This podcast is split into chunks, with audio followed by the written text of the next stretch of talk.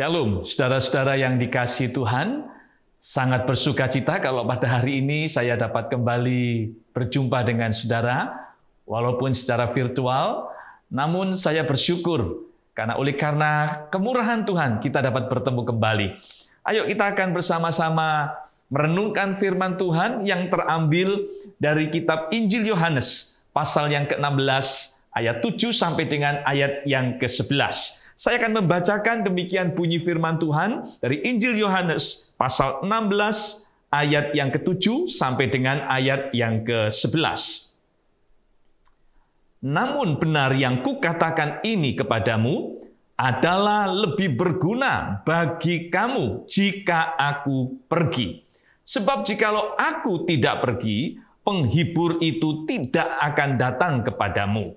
Tetapi jikalau aku pergi, aku akan mengutus dia kepadamu. Dan kalau ia datang, ia akan menginsyafkan dunia akan dosa, kebenaran, dan penghakiman. Akan dosa karena mereka tetap tidak percaya kepadaku. Akan kebenaran karena aku pergi kepada Bapa dan kamu tidak melihat aku lagi. Akan penghakiman karena penguasa dunia ini telah dihukum.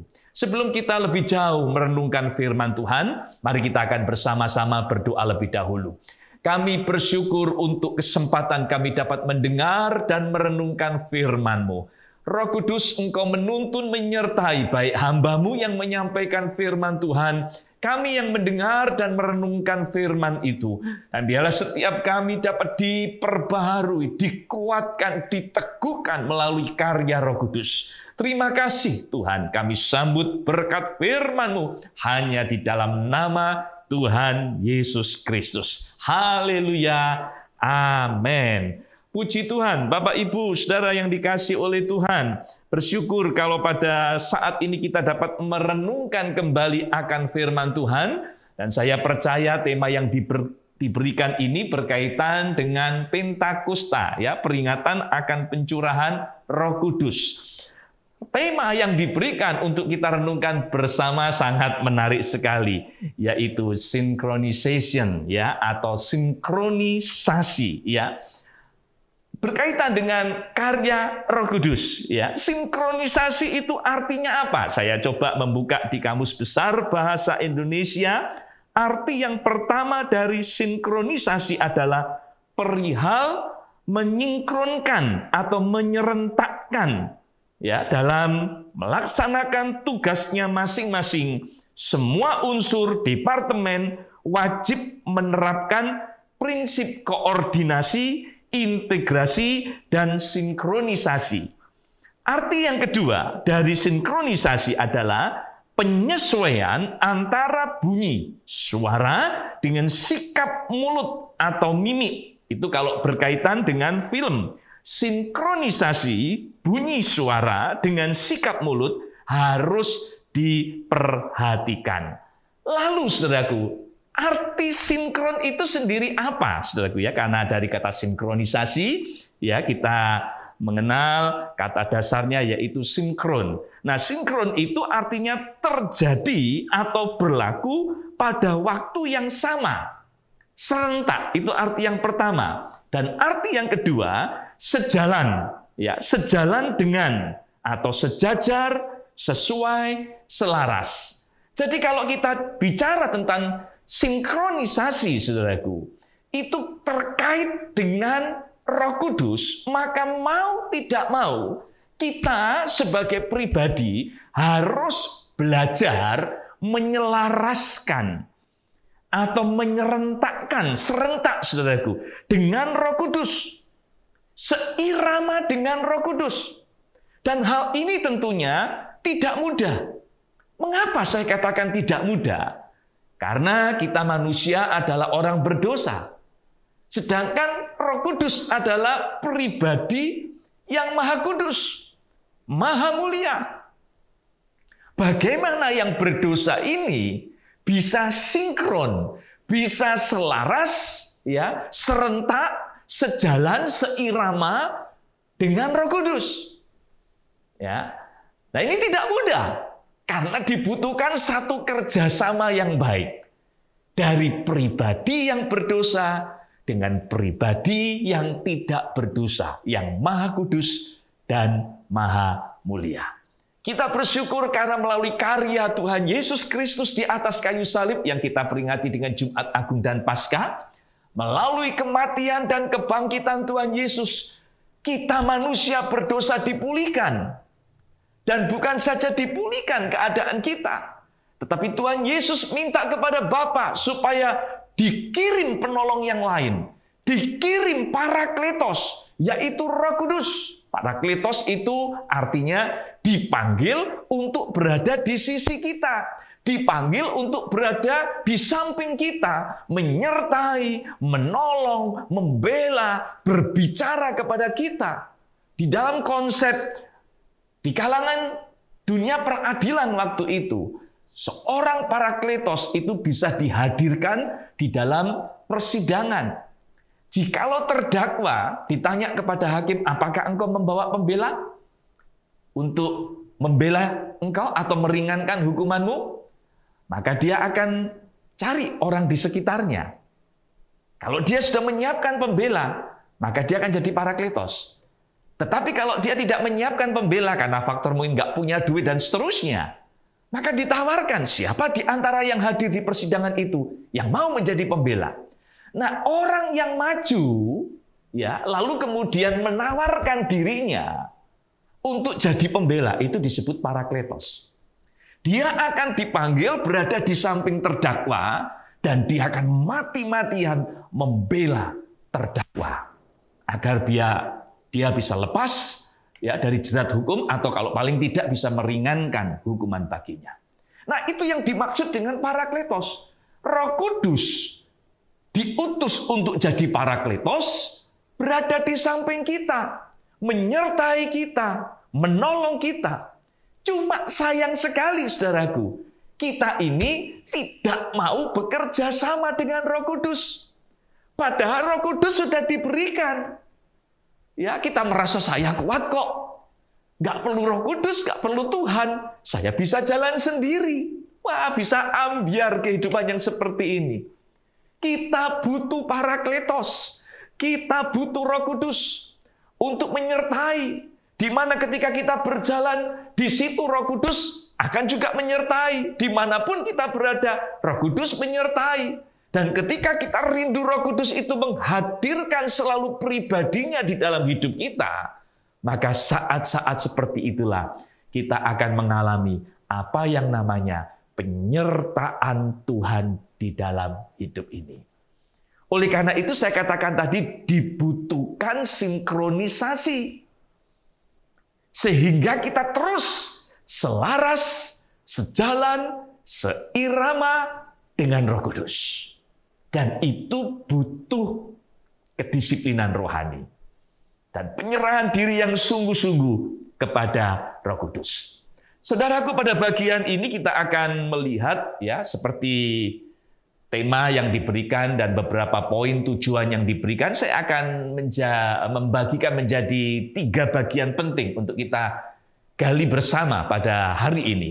Yang pertama, bagaimana kita bisa terkoneksi dengan Roh Kudus.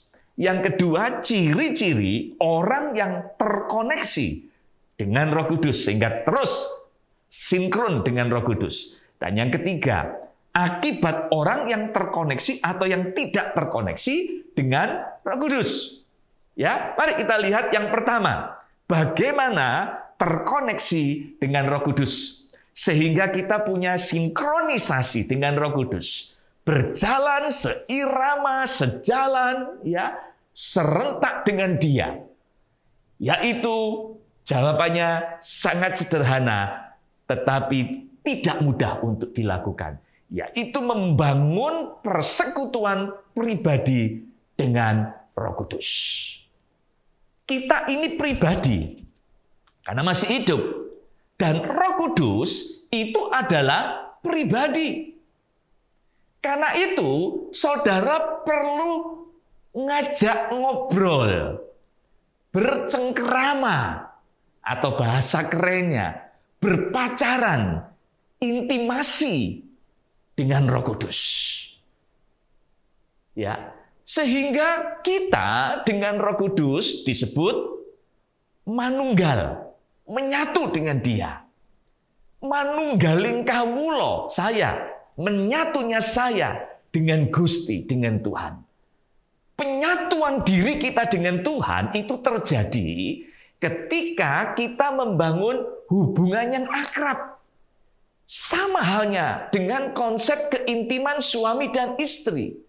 Keintiman suami dan istri itu terjadi ketika laki-laki dan perempuan dalam hal ini suami dan istri membangun hubungan yang akrab, yang mesra. Ya, sehingga satu dengan yang lain intim. Dan kalau bicara tentang keintiman itu bicara mengenai penyatuan. Dua pribadi dijadikan satu. Itu artinya intim. Saya katakan konsep ini mudah diucapkan, tetapi tidak mudah dilakukan. Kalau diri kita sendiri nggak punya niat untuk mengalami penyatuan pribadi kita dengan Roh Kudus. Itu dibutuhkan hubungan pribadi yang intensif terus-menerus, kontinu antara kita dengan Roh Kudus. Jujur sering kali kita ini disibukkan dengan urusan duniawi. Masalah keluarga, rumah tangga, kuliah, bisnis, pekerjaan, bahkan termasuk pelayanan. Sehingga kita tidak punya waktu lagi dengan roh kudus. Ayo kita belajar supaya kita bisa sinkron dengan roh kudus dibutuhkan koneksi ada satu hubungan antara kita dengan Roh Kudus. Dan itu harus berjalan secara intensif. Bagaimana Pak saya punya hubungan pribadi dengan Roh Kudus?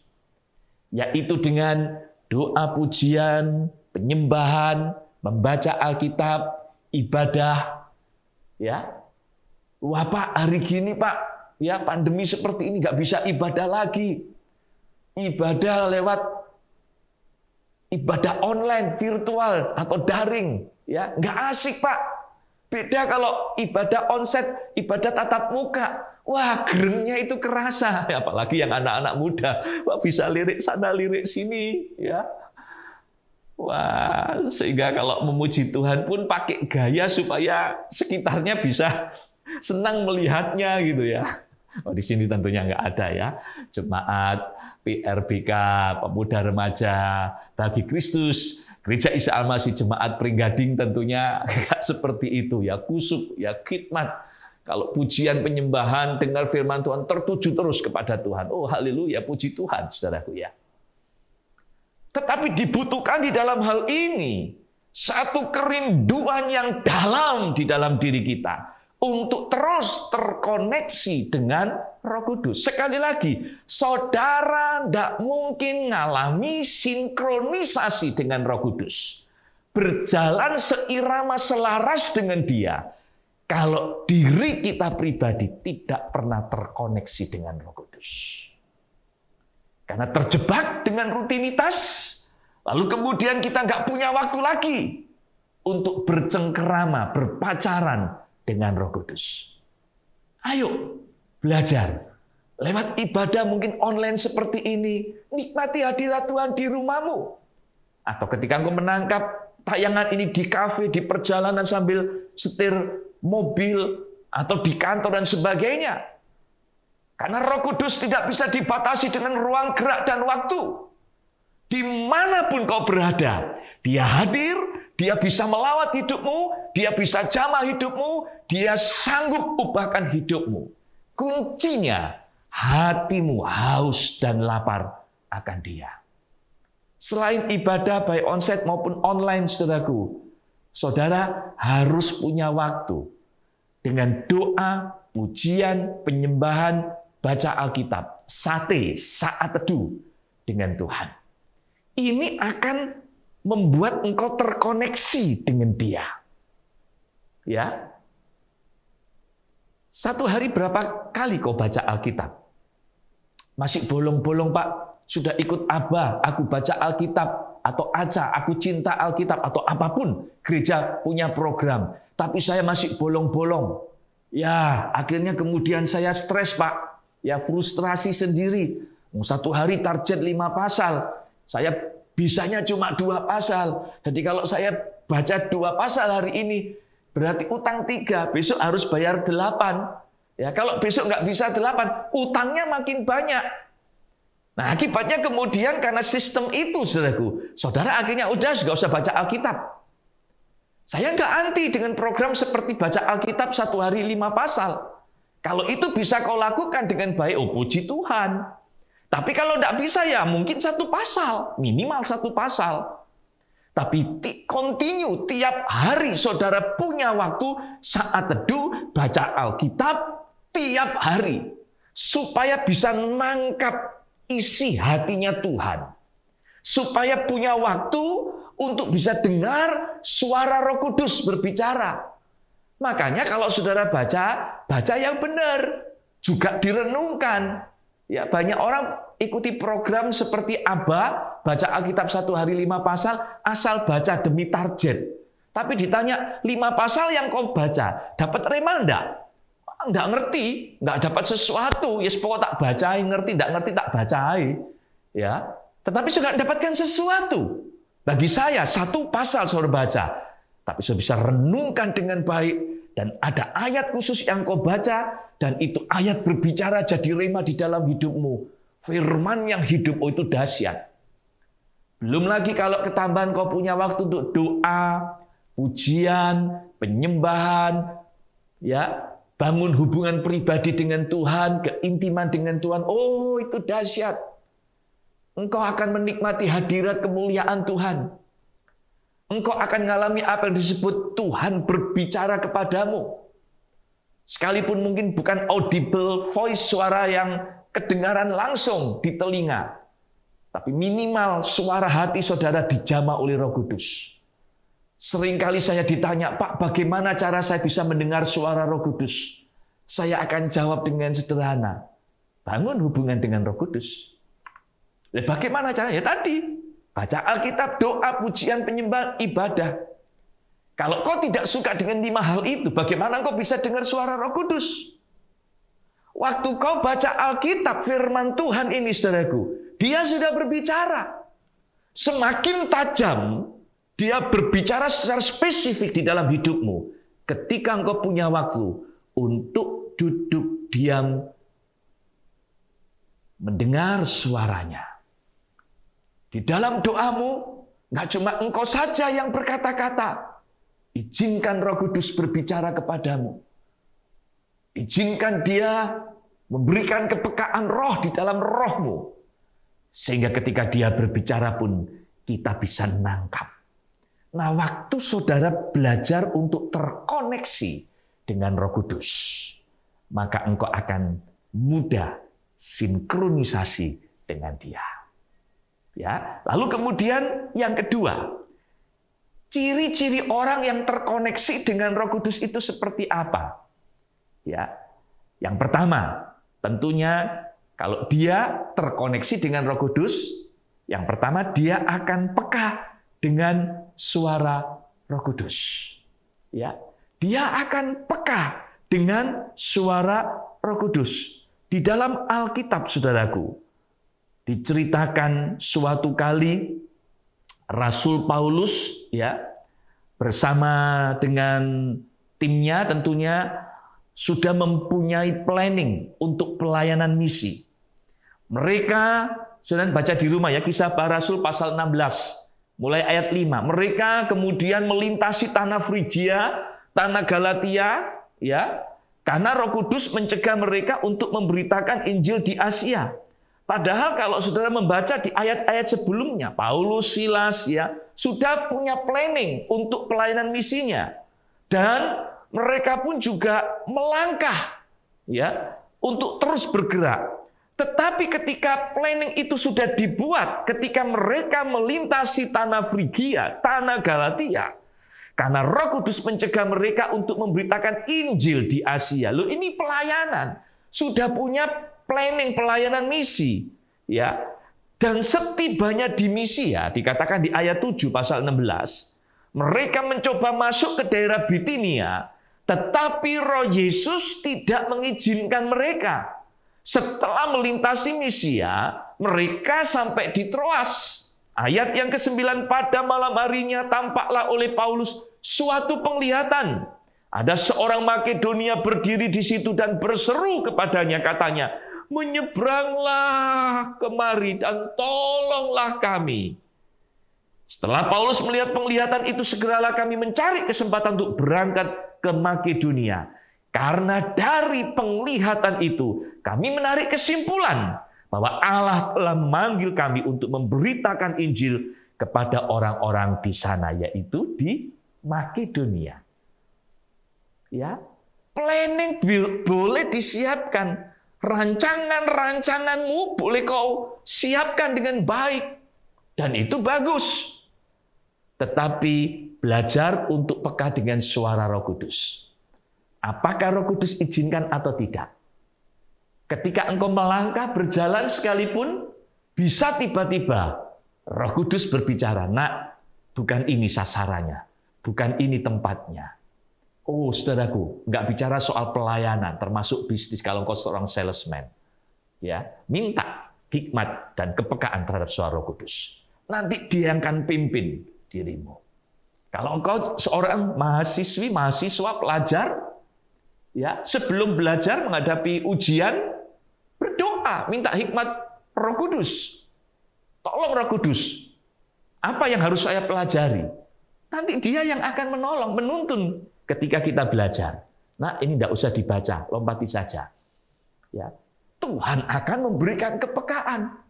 Saya di dalam pelayanan beberapa kali sudah disiapkan materi khotbah, bahan khotbah sudah siap, bahkan jadi siap diluncurkan, tiba-tiba sementara pujian sedang berlangsung, Roh Kudus bicara. Nah, jangan sampaikan, loh Tuhan sudah siap loh, sudah jadi. Enggak. Ya, aku ingin kau sampaikan tentang ini saja. Wah, itu kalau kita tidak dengar-dengaran dengan suara Kudus, kita bisa berdalih. Waduh, mepet ini Tuhan. Waktunya tinggal berapa menit. Oh ya, ini sudah tengah-tengah pujian Tuhan. Tapi ketika kita belajar peka terhadap suara kudus, dia pasti bicara dan dia akan menuntun pada saat hambanya menyampaikan firman. Dan nyatanya ketika bahan yang sudah saya siapkan itu kemudian tidak saya pakai, dan saya mengikuti pimpinan roh kudus, oh Tuhan itu melawat ibadah itu dengan dahsyat. Roh kudus bekerja dengan luar biasa. Maaf, saya tidak ekstrim lalu ngajari khotbah tidak usah persiapan. Jangan salah paham. Belajar nggak usah persiapan, nggak usah belajar. Nanti Roh Kudus yang bicara. Tidak begitu tentunya. Tetapi yang saya maksud, seluruh perencanaan yang kita buat belum tentu sinkron dengan maunya Roh Kudus. Tetapi kalau kita punya hubungan yang manis dengan Roh Kudus, dia pasti bicara dan apa yang kita lakukan, kita putuskan terjadi sinkronisasi dengan Roh Kudus. Suatu kali kalau nggak salah ingat namanya hamba Tuhan ini Peter Corbett. Ya, dia seorang penginjil jalanan ya dalam arti suka bikin revival kebangunan rohani ya di beberapa negara bagian di Amerika, Kentucky, California dan sebagainya, Illinois ya. Dia bikin KKR dan dia penginjil jalanan, saudaraku ya. Dia ketemu orang di jalan, dia injilin Suatu kali ada jadwal pelayanan KKR di satu kota. Ya, dia menginap di satu tempat, tapi kebetulan hari itu nggak tahu ada acara tertentu begitu kota itu rame, ya banyak hotel-hotel itu di booking, saudaraku full book, saudaraku. Lalu dia nginep di satu tempat, dapatnya itu ya, losmen campur dengan bar begitu ya, diskotik. Ya udahlah ini ini mumpung ada kamar di situ dia masuk aja. Ya, Lalu waktu dia masuk, ya dia melewati di lantai dasar itu bar, orang dugem di situ, lalu dia tidur di atas, saudaraku. Losmen yang ada di atas kamar yang sederhana. Biasa sebelum tidur karena dia capek lelah, dia berdoa lebih dulu. Sementara dia berdoa, saudaraku ya, Roh Kudus berbicara. Peter, kamu turun. Ya, dia pikir mungkin ini bukan suara Tuhan ya. Oh, tempatnya dugem gitu. Ini iblis mungkin yang berbicara ini goda gitu ya. Dia terus asik terus berdoa. Suara itu terdengar lagi, Peter kamu turun ya. Loh Tuhan, bukannya tempat itu tempat maksiat di bawah. Apa kata orang kalau aku mau bikin KKR ternyata ada yang datang di di acara di diskotik itu nanti apa yang dikatakan tentang kalau lihat aku bikin KKR lalu mereka tahu saya ada di tempat ini. Tapi Tuhan tetap berbicara, kamu turun. Aku akan bikin sesuatu di bawah. Ya udah. Dia seorang hamba Tuhan yang sensitif dengan suara roh.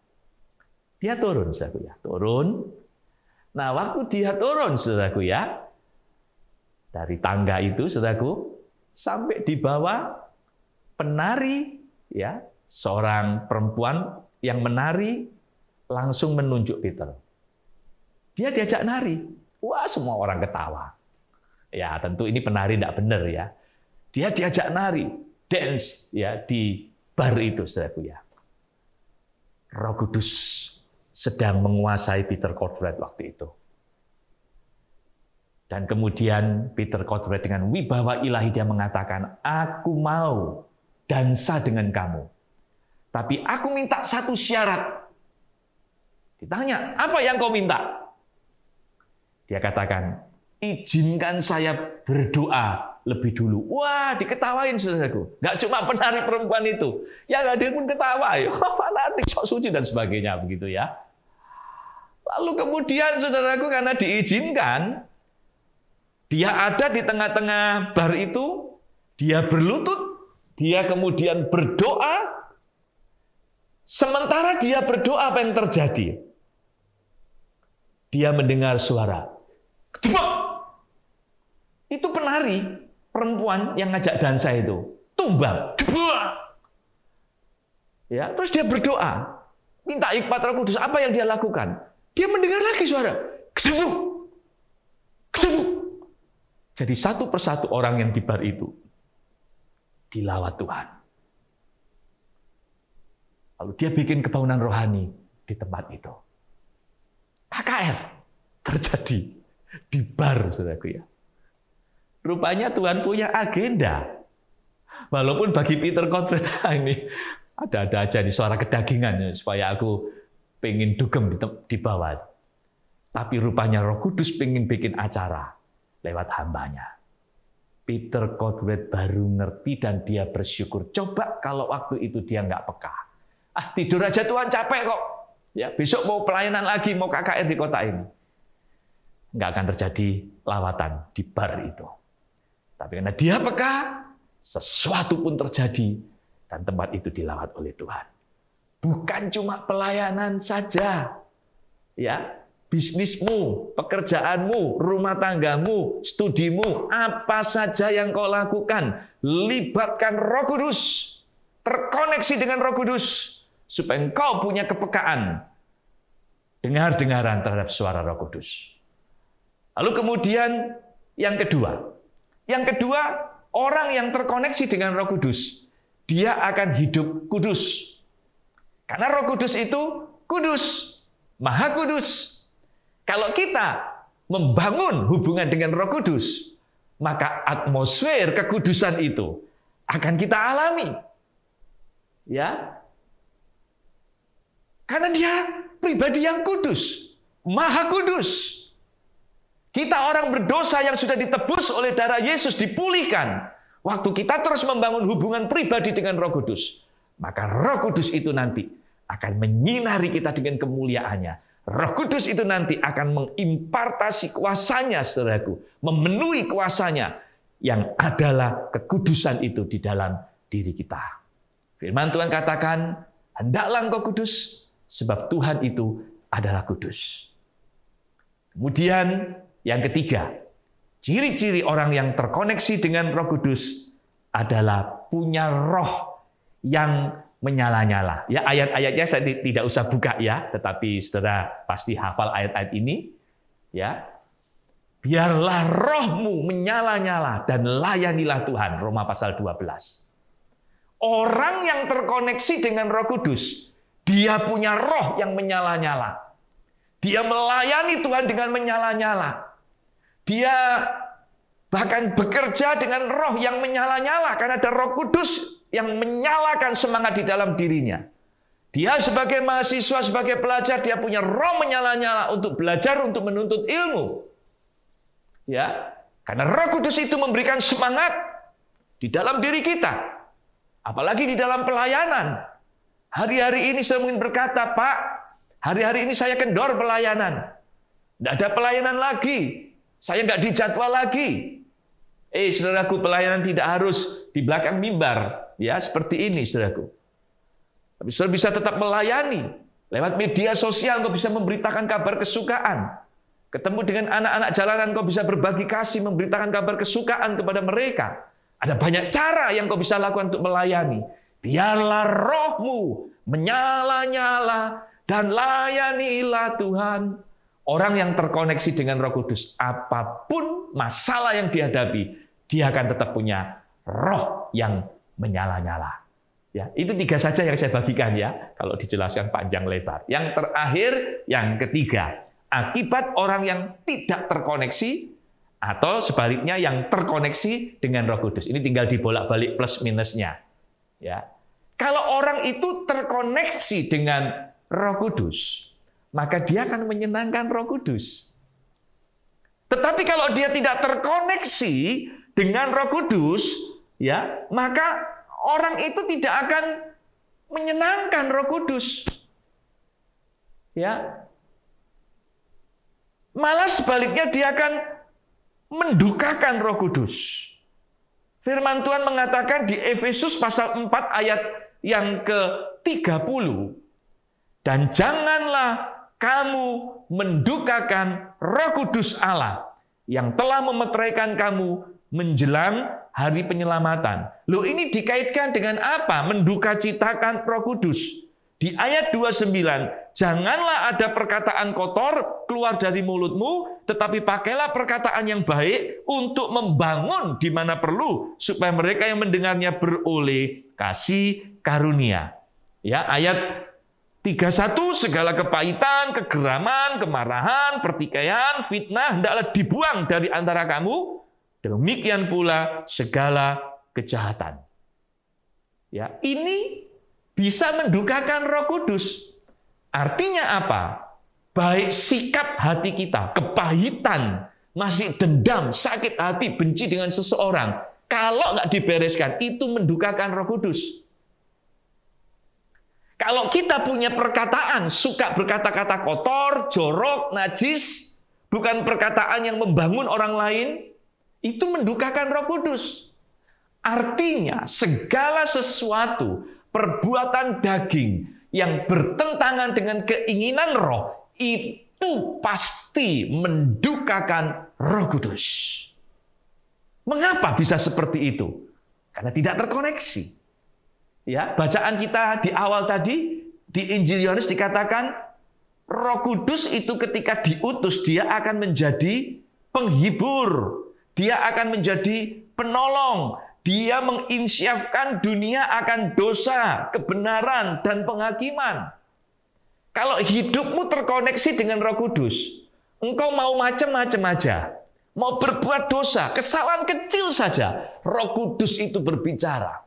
Bahkan ketika engkau kesandung jatuh di dalam dosa, Roh Kudus itu akan terus berbicara. Anakku, kau berbuat salah, kau berbuat dosa, cepat bertobat. Tapi sering kali kita yang mengeraskan hati.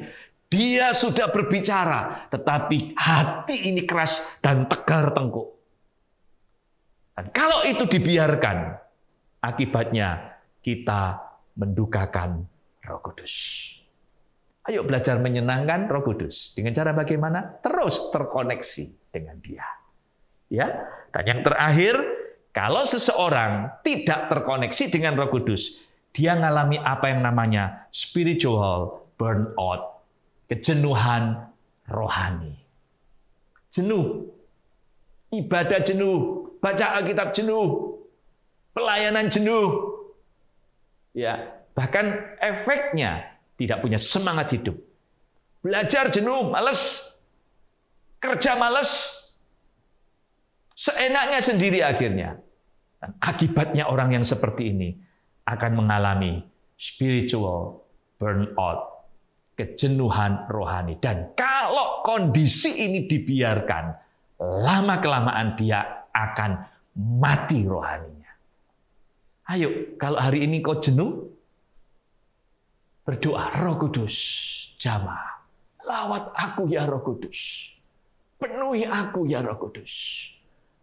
Supaya aku punya roh yang menyala-nyala. Banyak hamba-hamba Tuhan, tokoh-tokoh Alkitab yang mengalami spiritual burnout.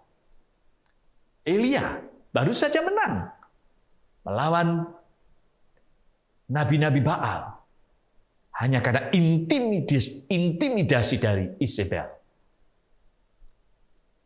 Dia mengalami ketakutan. Dan dia berkata, cukup Tuhan, ambil saja nyawaku. Ya, terintimidasi tapi Tuhan kirim malaikat membangunkan dia. Bangun perjalanan masih jauh. Itu makan roti bakar, minum air. Ya, supaya kau tidak jenuh. Bangkit! Dan ayat-ayat berikutnya dia berjalan dan mengalami hadirat Tuhan. Di satu gunung ketemu dengan Tuhan. Ya, saudaraku, kita bisa mengalami kejenuhan. Tapi Roh Kudus itu yang memberi semangat di dalam diri kita untuk bangkit dan mampu melewati semua. Ayo, biarlah hari-hari ini di masa sukar seperti ini kita terus terkoneksi dengan Roh Kudus sehingga kita sinkron dengan Dia. Jalan seperti maunya Tuhan. Saya berdoa biarlah saudara terus hidup di dalam kepenuhan Roh Kudus dan menyelaraskan hidup kita untuk seirama dengan Roh Kudus. Tuhan memberkati. Selamat Pentakosta. Mari kita berdoa. Terima kasih untuk firman-Mu ya Tuhan. Engkau tahu keberadaan kami. Hamba berdoa untuk anak-anak-Mu yang saat ini mengalami spiritual burnout, mengalami kejenuhan rohani, yang kehilangan semangat di dalam hidupnya, baik pelayanan, pekerjaan maupun studi mereka. Jamak Tuhan, penuhi kami dengan kuasa roh kudus-Mu supaya kami terus membangun hubungan pribadi dengan Roh Kudus. Ampuni kami kalau kami tidak punya waktu untuk bersekutu dengan Roh Kudus. Tapi biarlah hari ini Tuhan menjama kami supaya kami terus terkoneksi dengan Roh Kudus dan sinkronisasi dengan Roh Kudus. Berkat Tuhan lewat firman-Mu dicurahkan saat ini bagi kami semua. Di dalam nama Tuhan Yesus, kami terima pemulihan, pemenuhan Roh Kudus di dalam hidup kami. Haleluya. Amin. Puji Tuhan. Tuhan Yesus memberkati Bapak, Ibu, Saudara semua. Tetap semangat dan salam sehat selalu.